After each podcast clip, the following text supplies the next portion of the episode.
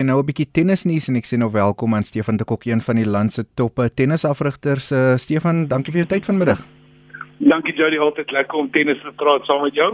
Ja, uh, ja, en een van die redes hoekom ek jou genader het, uh een van die hoofstories die week is dat die Franse Ope met 1 week uitgeskuif is uh, van 'n middel Mei na of van 24 Mei na 30 Mei gaan dit nou begin en een van die redes is omdat hulle moontlik regulasies in Frankryk gaan verslap en toeskouers gaan toelaat om by te woon. Watter impak het dit op die skedule van van die tennis um, gemeenskap en die toernooie wat plaasvind Stefan?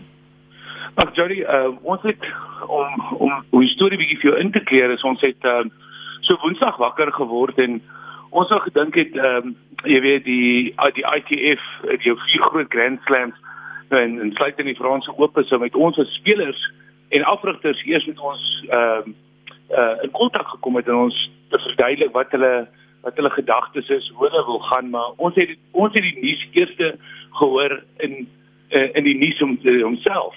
En dit was vir ons 'n baie groot skok want ehm um, ons weet hulle wil graag ehm um, toeskouers daarso daarso hê maar hulle gaan ook in 'n derde ehm um, lockdown in.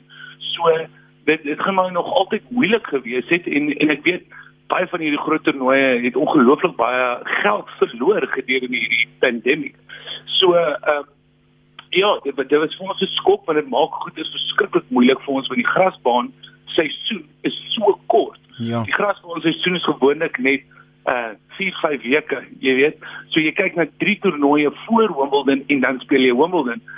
So uh dit beteken ons gaan net 1 of 2 toernooie kan speel op gras en dan Wimbledon gaan speel want Wimbledon het klaar gesê hulle gaan ook nie verder 'n week aanskuif nie. So vir ons as spelers en afrigters raak dit nou moeilik. Wat doen ons van die laaste kleibaan toernooi is 'n week voor die Franse Ope. So wat doen ons daai week dat hulle nou aangeskuif het? Gaan hulle vir ons 'n toernooi hou? Kan ons in Frankryk gaan bly? Kan ons al klaar in die bubble gaan bly? Ehm um, of is maar net uh uitgawes wat jy as as speler en uh, vir jou supporting staff, jou coaches, jou physio en al daai ouens saamgevat? Jy weet so die, die ouens weet nog nie wat presies gaan gebeur nie. Hulle het vir ons gesê hulle sal vir ons in kennis stel so vinnig as moontlik. Dalk skryf hulle Hamburg wat ge gewoonlik na Wimbledon is, 'n week of twee na Wimbledon. Miskien gaan hulle Hamburg skryf en en nog 'n ander toernooi voor die Franse Ope. Ehm um, ek kan nie sien hoe uh toernooie soos die grasbaan in Stuttgart en uh Hartoggenbosch in Holland hoe hulle gelukkig gaan wees met die Franse Ope skuif reg in hulle uh twee toernooie in. So ja, dit is daar's baie politiek. Ehm um, en die ouens is nie gelukkig nie. Dit kan ek sê. Nee, ek dit klink vir my soos enige sport. Uh, maar um, in terme van voorbereiding en as jy nou internasionaal gaan deelneem, um, gee net vir my en vir die luisteraars dan 'n bietjie ehm um, agtergrond oor wat gebeur, hoe benader julle die bioborrel, wat is die protokol die woord wat mos deesdae gebruik word en ook moontlik ehm um, dat ehm um, hoe gaan dit verander as daar toeskouers byvoorbeeld by die Franse Ope toegelaat gaan word? Gaan die bioborrel nou wegval? Gaan dit aanskuif? Hoe wat wat verwag jy as 'n afrigter? Kyk ehm um, Jody hierdie week is ek in Suid-Afrika. Ek het nou net teruggekom van die van Miami af. Ek was by Masters gewees. Ons was vyf weke in uh, in Suid-Amerika gewees en af, afgeëindig in in Miami en gelukkig kan ek so 2 weke in Suid-Afrika wees. Ek sou die ehm uh, uh Monte Carlo Masters gedoen het wat uh hierdie komende maandag gaan begin. Maar ehm um, ongelukkig het ek met my spelers gepraat en hulle gesê ek het 'n ekstra tydjie by die huis nodig want die volgende uh rukkie ehm um, gaan 'n baie lang tyd vir ons wees uh want ons kan nie heen en weer vlieg nie veral uit Suid-Afrika uit nie want uh ons kan net een keer inkom en dan dan moet ons daar vir 13 weke bly en van bubble tot bubble beweeg. Ehm um, en dis kom ons ons as spelers exemptions kry want ons kan vir elke land oortuig dat ons gesond is en dat ons in die beste uh uh possible kondisies wil uh uh sal bly die higiëne handhaaf en social distancing en dit gemonitor word en jy weet so ons het al hierdie protokolle in plek maar dit is die vraag, die persoon wat aan jou kos werk, die persoon wat jou hotel se kamer skoon maak, uh hulle hulle gaan elke dag buite in die bubbel en kom terug. So baie van die spelers stel daaroor, veral spelers wat al klaar die uh die vaksin gekry het wat ehm um, antibodies het. Hulle sê maar hoekom moet ek nog steeds in 'n bubbel bly? Ek is in ek is van Duitsland af en ons speel 'n toernooi in Duitsland. Seker kan ek rond beweeg, jy weet. So die toernooi het nou begin en dis kom ons nou sê in Monte Carlo wat hulle nou begin doen het is hierdie week as jy 'n Monte Carlo resident is en jy het 'n huis in Monte Carlo soos Alex uh Zverev hy het 'n huis daar en daar's nog 'n paar spelers wat huis daar en en, en nou Djokovic se huis daar so hulle kan heel waarskynlik in hulle huis bly en die toernooi speel hmm. nou sê die spelers maar hoe werk dit vir my ek moet nog steeds daar in 'n bubble bly ons hulle kan nie gaan uitgaan hulle kan gaan uitkeer jy weet so die reëls sodra hulle die reëls begin verslap ehm um, dan raak dit moeilik. En met toeskouers wat hulle doen is hulle toeskouers wat gewoonlik aan een kant inkom wat glad nie die publiek sien nie en een kant uitgaan. Dis wat hulle laas jaar by die Franse Ope gedoen het. En ons het daar 'n paar toernooie gespeel tot dusver met met toeskouers. Acapulco was omtrent 50-60% nou kapasiteit van toeskouers wat daar was. So ek ek dink die toernooi doen hulle hmm. uiterste beste om toeskouers daar te kry. Maar dit is verskriklik moeilik dit kan ek sê uh, al die protokolle in plek te sit. Klink gekompliseer so wat sê die ATP en die ITF oor alles dit? Kyk die die ATP en die, die ITF is maar twee verskillende uh, instansies en ehm um, dis hoekom uh, in Miami het almal van gehoor van was ek uh, was ek posvessel wat nie gelukkig was oor hoe goeders uh op op op op op op grondvlak gebeur by die ATP nie. En ehm um, en dis hoekom hulle ook 'n jaar terug die spelers, die Speler Association, die PTPA, die Professional Tennis uh, uh, uh association vir spelers gekreë het. Hmm. Want dit lyk nie asof die toernooie regtig luister na die spelers dit wat die spelers wil hê of hulle lewensstandaarde beter te maak nie op die toerydiglik nie. Want die spelers verdien 40% minder prysgeld, maar hulle moet meer geld uitgee op toetse en op uh hotelle en self-isolation en ekstra kaartjies en hulle kan nie heen en weer vlieg nie. Die vlugroetes is moeilik.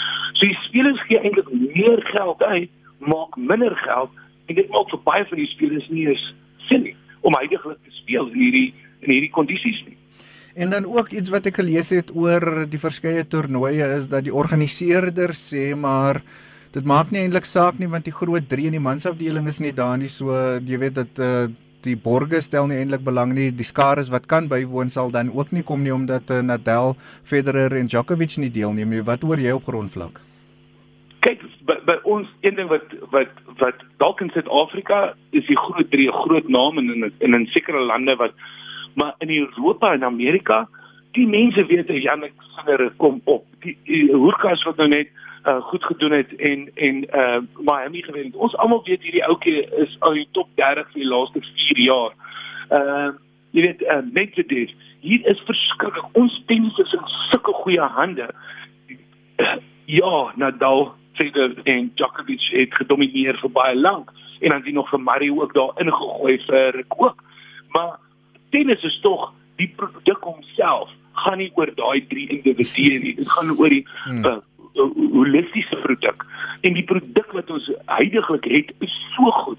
So tog is hierdie verhouding 'n 50-50 verhouding maar dit voel meer vir ons die toernooie 80 of 90% sê en die spelers het 10% Ek wou jou gesels met Stefan de Kok. Ons gesels tennis sake na die aankondiging dat die Franse Open om 'n week uitgestel is om moontlik toeskouers eh, by die toernooi toe te laat. En so die implikasies dan as die Franse Ope 'n week later plaasvind.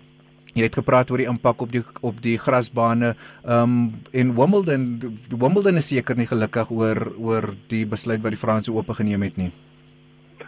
Kyk, so ek dink daai soos ek gesê die ITF daai vier groot jou vier groot Grand Slams. Hulle gaan maar hulle hulle het met mekaar ehm um, te doen en hulle het met mekaar gepraat en ek dink as ten minste twee van hulle nie gelukkig was nie, ehm um, sou hulle nie die jongens aan mekaar skryf gemaak het nie. Maar ehm um, dit maak my sin eh uh, hoekom hulle dit wil doen. Dit is vir finansiële redes en ek dink eh uh, Wimbledon sal hulle nogal back. Die Franse en die Engelse glo dit of nou nie al het hulle baie oorloop in mekaar gehad. Hulle die twee Grand Slams het eintlik 'n baie goeie verhou, uh, verhouding teenoor mekaar.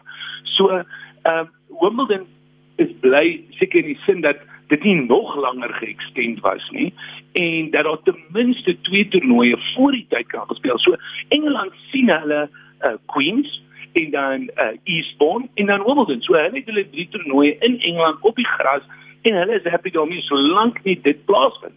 So ja, ek ehm uh, dit gaan moeilik wees. Dit dit gaan moeilik wees vir spelers wat probeer op die gras regtig goed doen. Jy weet um, en daai 5 weke wil uh uh totaal uh, kapitaliseer op dit. Want daar is spelers wat voel, "Hey man, my jaar se se ranking en se punte kan ek 'n hupstootjie gee gedurende daai periode want die oppervlakte pas my spel baie.